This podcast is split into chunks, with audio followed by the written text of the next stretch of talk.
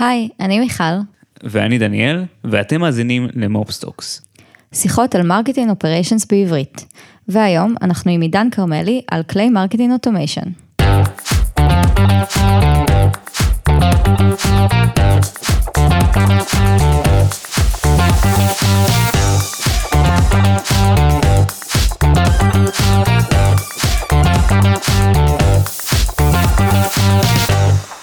היי עידן, אהלן מיכל, אהלן דניאל, מה נשמע? תודה רבה, תודה שאתם מארחים אותי, תודה שאתה פה. תודה לכולם. טוב, אז יש לנו היום אה, פרק אה, סופר מעניין. לא יודע מה איתך, מיכל, אבל אני מאוד חיכיתי לפרק הזה. ממש. היום אנחנו הולכים לדבר על נושא מסעיר, שמאוד קרוב לליבנו. הכנו ככה את הכפפות אגרוף, גם אני וגם מיכל. נכון. ו- ועידן הוא המגשר פה, בט- או, ש- או שלא. בעצם, מעניין. אה, כן. אם מה היו. יכולים לראות איך אנחנו יושבים, אז אנחנו בעצם, אה, דניאל ואני משני, מה זה אה, המבטים האלה שאת דופקת לי פה, מיכל? משני צידו של אותו שולחן, כשעידן יושב באמצע. אה, אני, לא ידעתי, לא, אני אשים את הכובע של, המגשר שלי. אה, אז רגע, לפני שנצלול לנושא, אה, עידן, אה, אתה בעצם managing partner בחברה שנקראת Marketing Envy, ונשמח ככה שתציג את עצמך בכמה משפטים. בשמחה. אמ, אני עוסק, אה, אני עוסק בתחום ה marketing, B2B marketing צריך להגיד, אה, כבר 20 שנה. אה, לחלוטין מסגיר את הגיל שלי, אין מה לעשות, אני אגיד את זה עכשיו. אני בן 48, ותורידו את זה אחר כך בעריכה. אמ, התחלתי את הקריירה שלי בתפקידי, בתפקידים שונים בחברות, בחברות B2B Enterprise, חברות software, חברות service אה, בגלובליות, בערך עשור, והתעסקתי בתפקידים של product marketing, pre-sales, bizdev, marketing, כל, ה, כל המנעד. ואחרי עשר שנים החלטתי בהחלטה די שרירותית ובדיעבד מטופשת לחלוטין, פשוט להתפטר ולהחליט לעבור לצד של נותני השירותים. באותה תקופה התעסקתי בעיקר ב marketing, בקריאייטיב, חברתי לאיזושהי אה, סוכנות מ... סוכנות קריאייטיב מלונדון, שנתנה שירותים אה, לאמדוקס ולעוד חברות ב- בשוק, ואמרתי, אני אהיה סוג של ה country manager שלהם. ואחרי שנה הבנתי שאני לא... להסתובב עם... הסתובבתי אשכרה עם אה, מזוודה, שהיו בתוכה מלא ברושורים ודוגמאות ל direct mail, כאילו campaigns, כל מיני דוגמאות מגניבות כאלה ל giveaways ולדברים ול gift ששולחים באשכרה. ב fucking דואר. ו... ואחרי שנה שעשיתי את זה, היו כמה פרויקטים נחמדים וכמה כמה לקוחות אה, מעניינים, אבל אה, אה, היה ברור לי שזה לא, זה לא מספיק. יש לי, יש לי איזשהו חלק מאוד מאוד אנליטי ב, בעבודה שלי, ש, שהיה חסר לי. כנראה, עוד לא ידעתי שהוא חסר לי, אבל היה ברור לי שחסר לי משהו. והתגלגלתי לעבוד עם אה, סוכנות אה, שירותי סיילספורס שנקראת ServiceWise, ובעצם אה, עבדתי איתם. הייתי קבלן, סוג של קבלן כזה שלהם, עשיתי להם עבורם שיווק, והתחלתי להיכנס לעולם הזה של, ה, של ה-CRMים, כשאחת מה... אה, אחת מהשותפות בעצם באותו משרד, אה, באותה סוכנות, פנתה אליי יום אחד ואמרה לי, תקשיב, אני יודעת שאתה אוהב לשחק עם טכנולוגיות ו... ואתה מתחבר לכל העניין הזה, כי הם עשו Salesforce, והיא ראתה שאני הייתי עושה וובינארים על Salesforce ועל הריליסים שלהם, ו... נראה לי כמו לפני ages. אבל אה, ראו שיש לי איזשהו סוג של חיבור יותר לקטע הטכנולוגי. ואז היא אמרה, פגשתי חברה בכנס בלונדון, שנראה לי שאתה נורא תתחבר אליה. אה, ולחברה קוראים Marketo. לך תראה כאילו מה, מה, מה זה הכלי הזה. וזהו. כאילו, וזה הייתה, זה היה קליק ככה בדלת, שפתח לי את הקריירה ש, של העשור הזה, של העשר שנים האלה, או תשע שנים. כלומר, אז גילית את, אה, את העולם המרקטינג אוטומיישן? אז גיליתי את העולם של marketing automation, ואני חייב להגיד משהו. דווקא בגלל שבאתי לפני כן מרקע של marketing בעשור שלפני, שהוא אמנם כבר העשור של האינטרנט ו email marketing כמובן כבר היה, ו, והיו אתרים והיו הכל, אנחנו לא פה בשיחת, אה, כאילו, אה, איך היינו תופרים דברים אה, בפנקסים ו... מחתימים בולים על, על מעטפות. אבל, אה, אבל מה שלא היה אף פעם, בכל התקופה שאני הייתי איש שיווק, זה לא היה את היכולת לחבר בין מה שאתה עושה ב marketing לבין התוצאות. לא היה אף פעם את היכולת ל, ל, לראות מה, מה השיווק שלי עושה. אז באותה תקופה מרקטו וכלים שונים כמו טל לא היו נפוצים בחברות אה, B2B? בכלל, הייטק? בכלל לא. בכלל, זה היה, אני זוכר, אני זוכר את עצמי פותח עוד באמדוקס איזשהו חשבון ניסיון בסיילספורס, ומנסה כאילו להבין מה קורה שם. כשהיינו עושים קמפיינים, הייתה סוכנות, אותה סוכנות שהזכרתי מקודם, והיינו מכינים בריף, והיינו מוציאים הכל אליה, וכל ה data ישב אצלה, וכל ה email marketing ישב אצלה, זה לא היה מעניין אותנו אפילו, כי היינו רק מתעסקים בקריאייטיב ובבריף ובכאילו ב copy וב messaging ובמה אנחנו רוצים להגיד, ושולחים את זה אליהם כמו מין קופסה שחורה, ואז היה קורא קמפיין, ולא היינו יודעים עליו כלום, עד שחודש אחר כך הם היו עושים לנו מצגת בחזרה ומציגים לנו את התוצאות. מה זאת אומרת היה קורא קמפיין? איפה הייתם מעלים את הדפי נחיתה, את הרשימות? אין לי מושג, אין לי מושג ירוק. זה לא, זה כאילו לא היה על ה... זה לא היה חלק מהשגרה שלנו להבין בכלל או להתעסק במה הקמפיין עשה.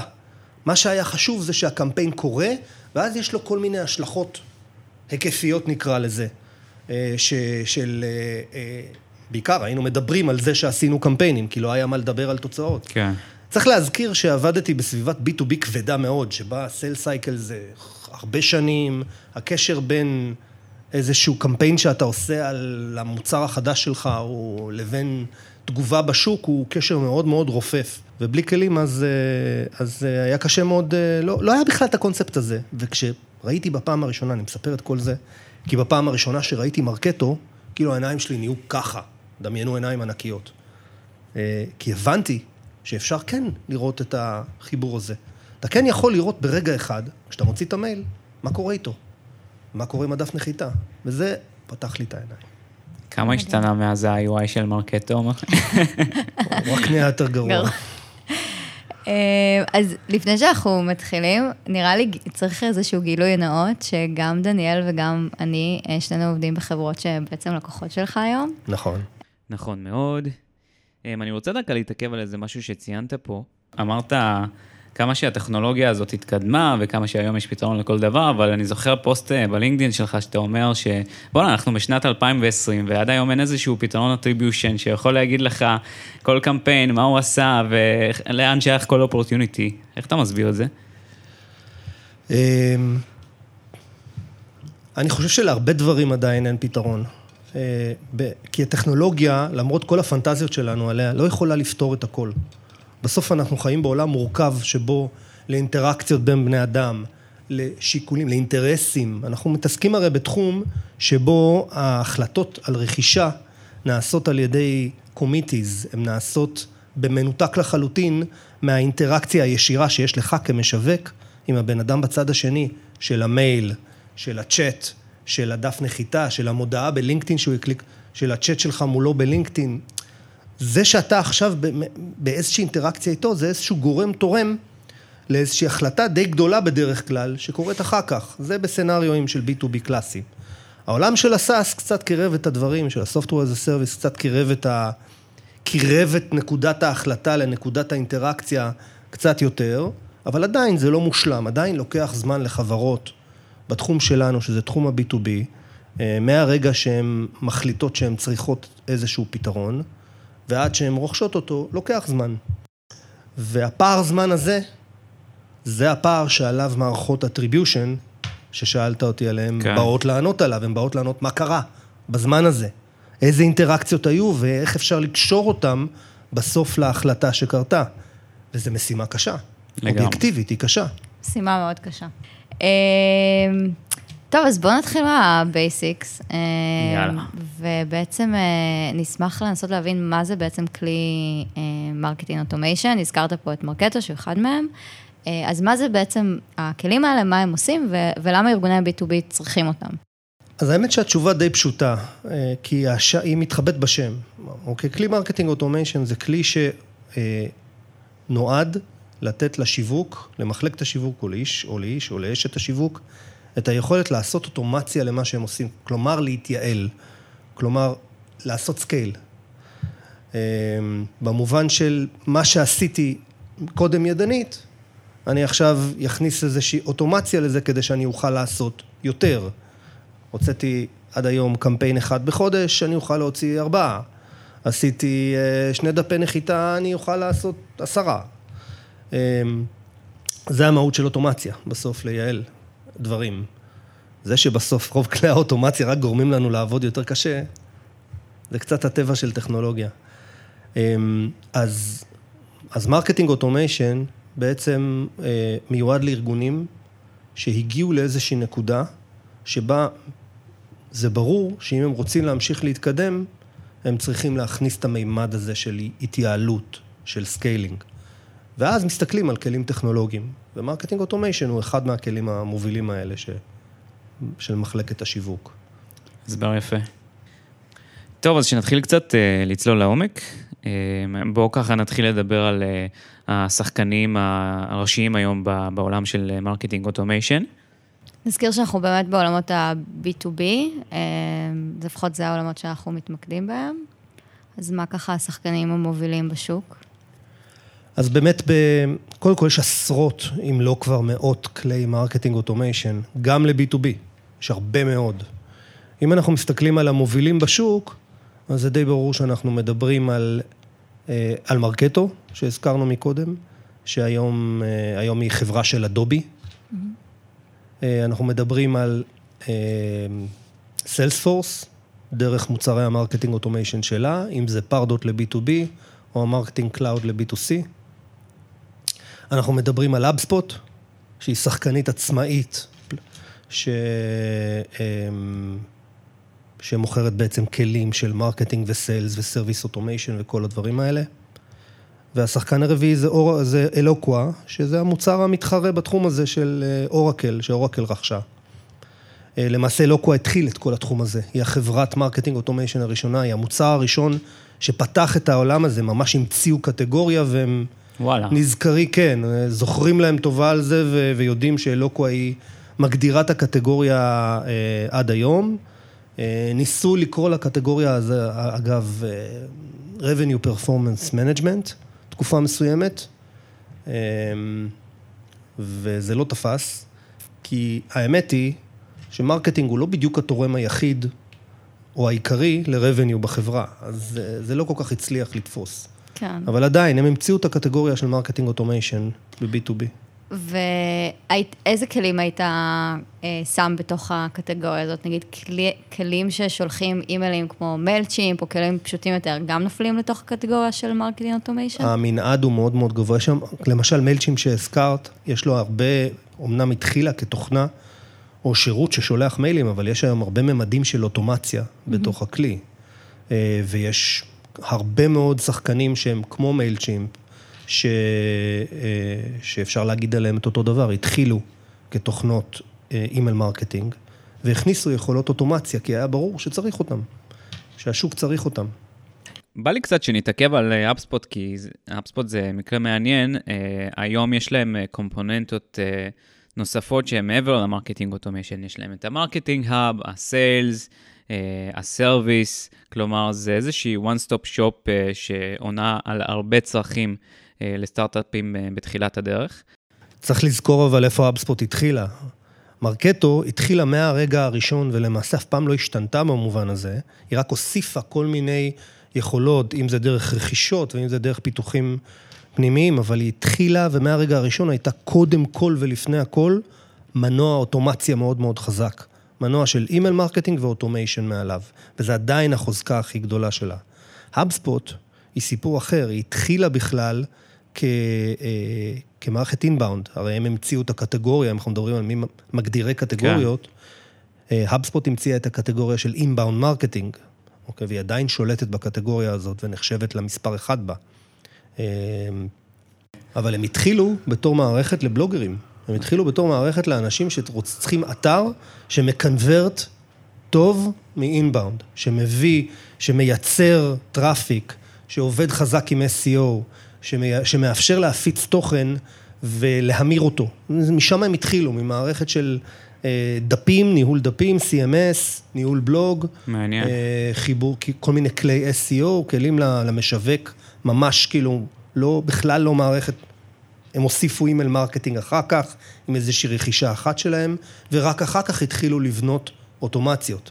והיית אומר שזה עדיין החוזקות של כל אחד מהכלים האלה? כלומר ש Marketo, החוזקה שלה היא באמת בעולם של האימיילים, ו HubSpot בעולם של, ה... של inbound? אז אני חושב ששם ההתפתחות קצת, אה, שם הקווים קצת מתחילים להשתנות. אמ, מרקטו עדיין, בגלל שהמוצר עצמו, מוצר הליבה, שלצערנו גם לא מתחדש כל כך, מכל מיני סיבות כבר הרבה שנים, אבל מוצר הליבה עצמו הוא מאוד מאוד חזק. הוא עושה ממש ממש טוב את מה שהוא אמור לעשות. מה שהוא נולד לעשות, וזה אוטומציה.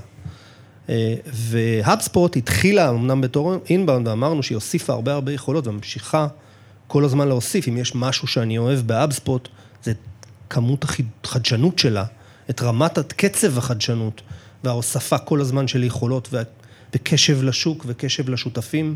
אגב, אני שומע את אותו פידבק גם על אה, Pardot. אני שומע שגם הם אה, מתחילים לצמצם את הפערים, הם אולם לא כמו HubSpot, הם עדיין מפגרים מאחור כשזה מגיע ל-campaign production, אבל, אה, אבל גם הם התחילו ללחוץ חזק על הגז. נכון, נכון, אבל לא בקצב של האבספורט. ויש להם, ונקודת ההתחלה שלהם היא, לדעתי, לפחות האישית, היא יותר, יותר מוקדמת. כן. אבל היית אומר שלפרדות גם יש איזושהי נקודת חוזקה כלשהי? לפרדות? כן. אמ, יש לה, מעצם העובדה שהיא אה, שייכת לסיילספורס, וסיילספורס היא ה-CRM בעולם. זאת אומרת, היא, מערכ, היא המערכת שבה רוב הארגונים משתמשים כדי לנהל את המכירות ואת הקשרי לקוחות שלהם, ואת התהליכים העסקיים המרכזיים של העסק. אם זה pipeline management, אם זה CPQ, אם זה כל התהליכים האלה. ו... אה, והעובדה שיש להם כלי אוטומציה, שהם רכשו אמנם, ואגב, רכשו על הדרך, הם לא התכוונו לרכוש אותה. הם די במקרה רכשו אותה. הזכרנו בהקשרים של התוכנות האלה באמת אה, את המילה אוטומציות, וקצת דיברנו על, על אימיילים, ששם נראה לי קצת יותר קל להבין מה זה אומר אוטומציות. יכול להסביר על עוד אה, תהליכים שאפשר to automate באמצעות הכלים האלה? כן.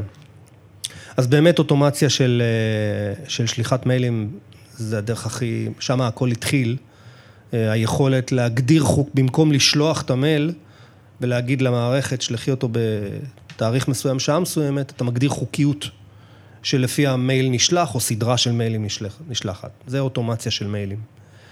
אוטומציה יכולה להתייחס גם לתהליכים אחרים שיש לנו ב-B2B, כמו אה, רישום של מידע על הקמפיינים, שהמידע קמפייני על traffic, הוא מידע קמפייני על טפסים שהתמלאו, זאת אומרת מאיפה, מה הסורס, כן. מאיזה קמפיין, אה, מאיזה קמפיין מדיה זה מגיע, מאיזה, מאיזה אד זה מגיע. אה, מידע כזה. אז את יכולה לעשות אוטומציה של מה לעשות עם המידע הזה שנכנס ביחד עם הטופס. אה, אפשר לעשות אוטומציה של תהליכים עסקיים בתוך הארגון, של איך מנהלים את הלידים, מה קורה כשמישהו אה, מגלה עניין במוצר שלי בצורה מסוימת, אה, איך אני כחברה עכשיו מטפל בזה, mm-hmm. מי, מי מטפל בזה, מתי, מה ה-SLAs שלהם, זאת אומרת, כמה זמן יש להם לטפל בזה לפני שמורמים דגלים, איזה סוג של דגלים, איזה, נוטיפוק... איזה נוטיפיקציות יוצאות ולמי. אמ, איך אנחנו מגדירים את השלבים שהתעניינות במוצר עוברת בארגון עד שהיא הופכת להיות התחלה של עסקה. יש, אני יכול עכשיו להמשיך ולתאר עשרות של תת-תהליכים כאלה, או שלבים בתהליך הגדול גדול שנקרא deal management, או opportunity management, או lead management, יש לו הרבה שמות, אה, בתוך הארגון, והאוטומציה יכולה לנהל כל אחד מהשלבים האלה. וכמובן, אחת מהפעולות החשובות, שזה ה-lead life cycle management, אה, שזה בעצם איך אנחנו מנהלים את הסטטוס של ה-lead שלנו מהרגע שהוא אה, נכנס ונקלט במערכת עד שהוא נהיה לקוח. אה, כלומר, איך הוא מתקדם בשלבים ומה ה-follow-up שאנחנו צריכים לעשות איתו. כן, זה, Life Cycle Management הוא בעצם התיאור של תהליך ה-master, שבו אני, אני מגדיר איך נראים השלבים העיקריים של טיפול בפניות לארגון שלי. כן. אז יש את הפנייה הגולמית, יש את איזושהי העשרה שאנחנו עושים מעליה, אז עכשיו הפנייה היא יותר qualified, היא יותר כאילו רצינית, לעומת פניות אחרות שהן ג'אנקט, או סתם כאילו פניות שהן לא רלוונטיות לי, ואז אני מגדיר מי מטפל בה, אז זה הופך להיות marketing uh, qualified ו-sales qualified, ואז בסוף נפתחת opportunity, וכן. ולכל התהליך הזה, שהוא גנרי לחלוטין, קורה בכל חברת B2B, אין משפט שאני יותר אוהב מ... לא, לא, אבל אצלנו זה עובד אחרת. אני כל כך הרבה שנים עושה את זה, שאני אני צריך לשלוט בעיניים שלי שלא יתגלגלו כשהם אומרים לי את זה, כי אני אומר, לא, אתה מוכר B2B, אתה מוכר לעסקים ולארגונים, אז אתה עושה משהו שהוא גנרי, וזה עובד ככה, אז יש לך איזה ניואנס כזה, אז המוצר שלך הוא נמכר קצת יותר מהר או פחות מהר, זה לא משנה, המהות היא תמיד תמיד אותה מהות. כן.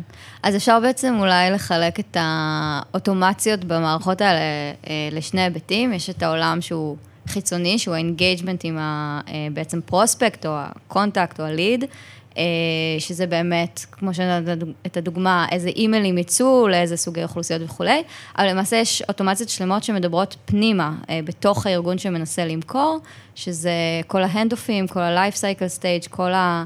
אה, בעצם עבודה משותפת של להבין מה בן אדם עשה, אה, איזה אקשן לקחת באיזה שלב. אני חושב שנגענו רק בחלק מהאוטומציות ש...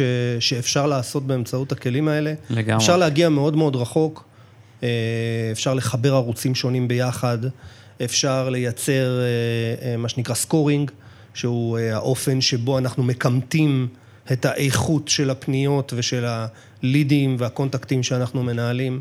יש הרבה מאוד דברים שאפשר לעשות. גם באינטראקציה החיצונית, כמו שאמרת, וגם בטיפול הפנימי שלנו.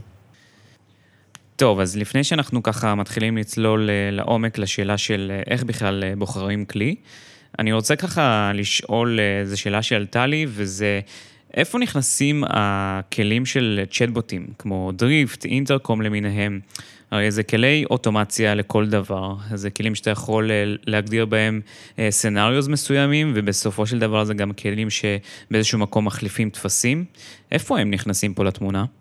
אגב, זה מדהים שאתה שואל את זה, כי אני כתבתי לעצמי צ'אטים. אה, לא הסתכלתי לך בדף. לא, ואני רק רוצה לספר אנקדוטה שבאחת החברות שעבדתי בהן, באיזשהו שלב, מי שניהל את הצוות marketing היה איש product. אה, ולו הייתה אג'נדה ש-Intercom יחליף את הכלי marketing automation שלנו. אה, ובזמנו זה נשמע לי מופרך לחלוטין, אבל אה, מעניין לשמוע באמת מה אתה חושב על הכלים האלה. מבחינתי הם כלי marketing automation. זה שהמדיום העיקרי שממנו הם התחילו זה צ'אט, זה, זה צ'אטבוטים בעצם באתר, אם זה אינטרקום ואם זה Drift.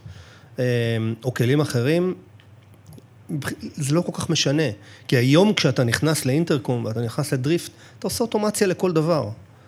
אתה יכול לעשות אוטומציה לכל דבר, אתה יכול להגדיר את ה-flow של eventים שאתה רוצה, את ה-flow של צעדים שאתה רוצה שיקרו כשמשהו קורה, וזה המהות של אוטומציה. אז לא ממש אכפת לי אם, אם המדיום הוא מייל, אם המדיום הוא דף נחיתה באתר, או טופס, או מודעה, או צ'אט, מה זה משנה? אז מבחינתי הם שחקני automation לכל דבר. Uh, כדי להתמודד אגב עם השאלה הזאת, הגדירו בעצם קטגוריה מעל automation. פעם לא, פעם כל הכלים האלה נקראו באמת כלי marketing automation. היום אנחנו מדברים על התחום, אנחנו קוראים לו marketing operations. כדי בדיוק להכיל את שלל הכלים שאני צריך, אבל הם לא בדיוק, לאו דווקא כלי אוטומציה. אז אני צריך את הצ'אט, ובתוך הצ'אט יש אוטומציה. ואני צריך uh, לעשות attribution, הזכרנו מקודם, או analysis, או reporting, אז יש לי כלים מיוחדים לזה שגם בתוכם יש אוטומציה, ואנחנו מכירים, uh, דניאל, את Segment uh, למשל. כן. Um, ו... ויש לנו כלי marketing automation קלאסיים. הכל היום הוא בתוך מעטפה של, שאנחנו, שנקראת כאילו marketing technologies, שמתחברת למע... למעטפת היותר גדולה של marketing operations, שזה באמת התחום שלנו, שלושתנו, זה התחום שאנחנו עובדים בו. ואם מסתכלים על אנחנו ה... אנשי marketing operations. ואם מסתכלים על המפה הזאת, יש את המפה שלא זוכר את השם של הבחור שתמיד מוציא כל שנה על ה... סקוט ברינקר. כן, על, אה, על המפת ה martech. זה, זה כבר מפה שאתה לא יכול לראות את השחקנים שם מרוב שהיא גדולה. היא איבדה ערך. לגמרי. זה אין, אין דרך להסתכל עליה ולקבל איזושהי תובנה, חוץ מלהגיד, וואי, זה כמה יזמים. יש שמייצרים את אותו כלי שוב ושוב ושוב. מטורף. כן, וכל אחד טוען שהוא פתר את בעיית ה attribution. וואי, ה attribution נראה לי נושא, מה זה כואב פה? לא, בוא נפתח את זה, בוא נדבר על זה. חשבנו שמרקטו מול HubSpot זה הנושא זה הזה. איפה זה פוגש אתכם? איפה זה פוגש אתכם? אה. בעבודה. לא, למזלי לי. כרגע יש לי אה, צרות אחרות שנקראות migration, אבל אה, גם ל attribution נגיע. מעניין, אני חושבת שאחד הדברים הנוספים שאתה נוגע בהם זה בעצם שהתחום של marketing operations הוא... אחד הדברים שמאוד חזקים להבין בו זה כל עולם האינטגרציות, והוא הופך להיות אה, גם עולם חצי או יותר מחצי טכני. כלומר, אתה ממש צריך להבין איזה מידע צריך לזרום, מתי ומאיפה ולאיפה. הייתי שמחה אם תיתן כזה איזשהו input על, ה, על התחום הזה, וכמה אתה חושב שאנשים שמתעסקים בתחום באמת צריכים להיות אנשים טכניים, לעומת אנשים שככה באים מעולם ה marketing יותר. זו שאלה ממש ממש מצוינת. אמ, אני חושב שאתה לא יכול להיות איש marketing operations בלי להיות טכני קצת. ואני חושב שקצת זה, זה קצת, קצת יותר מקצת. אה, אין מה לעשות, בסופו של דבר, התחום שלנו מורכב, יש לו צד אחד של תהליכים עסקיים והבנה של איך B2B business עובד בכלל, אה, ואיך marketing עובד בתוך ההקשר הזה, אבל רוב התחום מורכב מטכנולוגיה.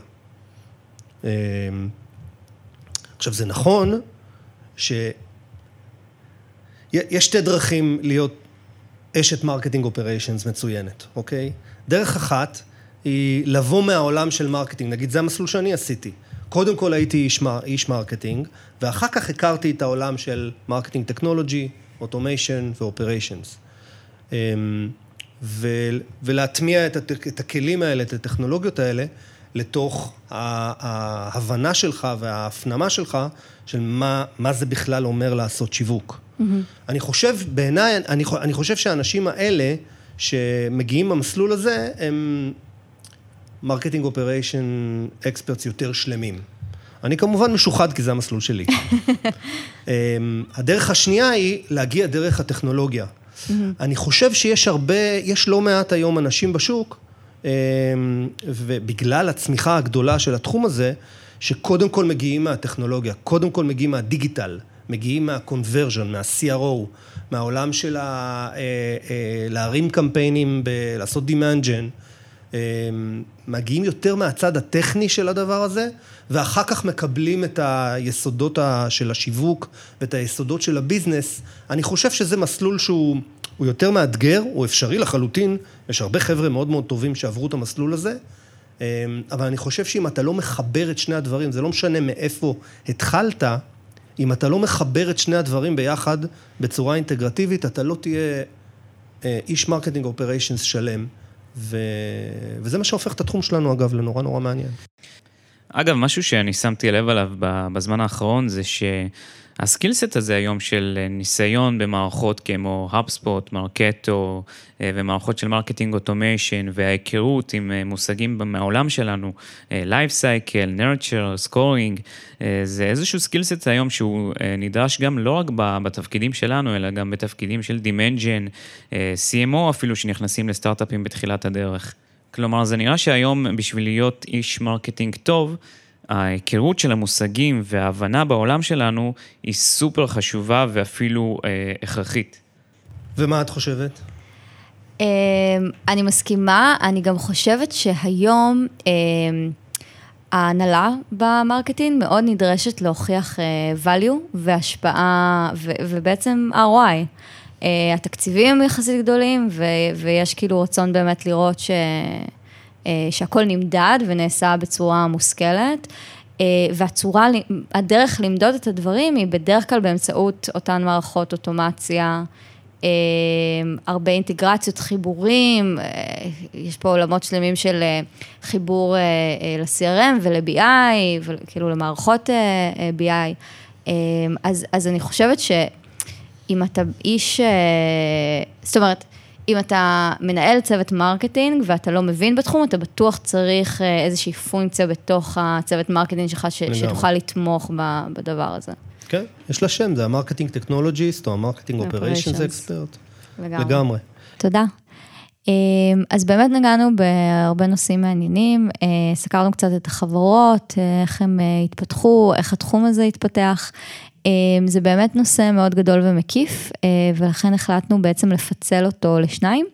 אה, אז בחלק הבא של הפרק הזה אנחנו נצלול אה, לתוך הכלים עצמם, מה ההבדלים ביניהם, קצת יותר על החלקים הטכניים.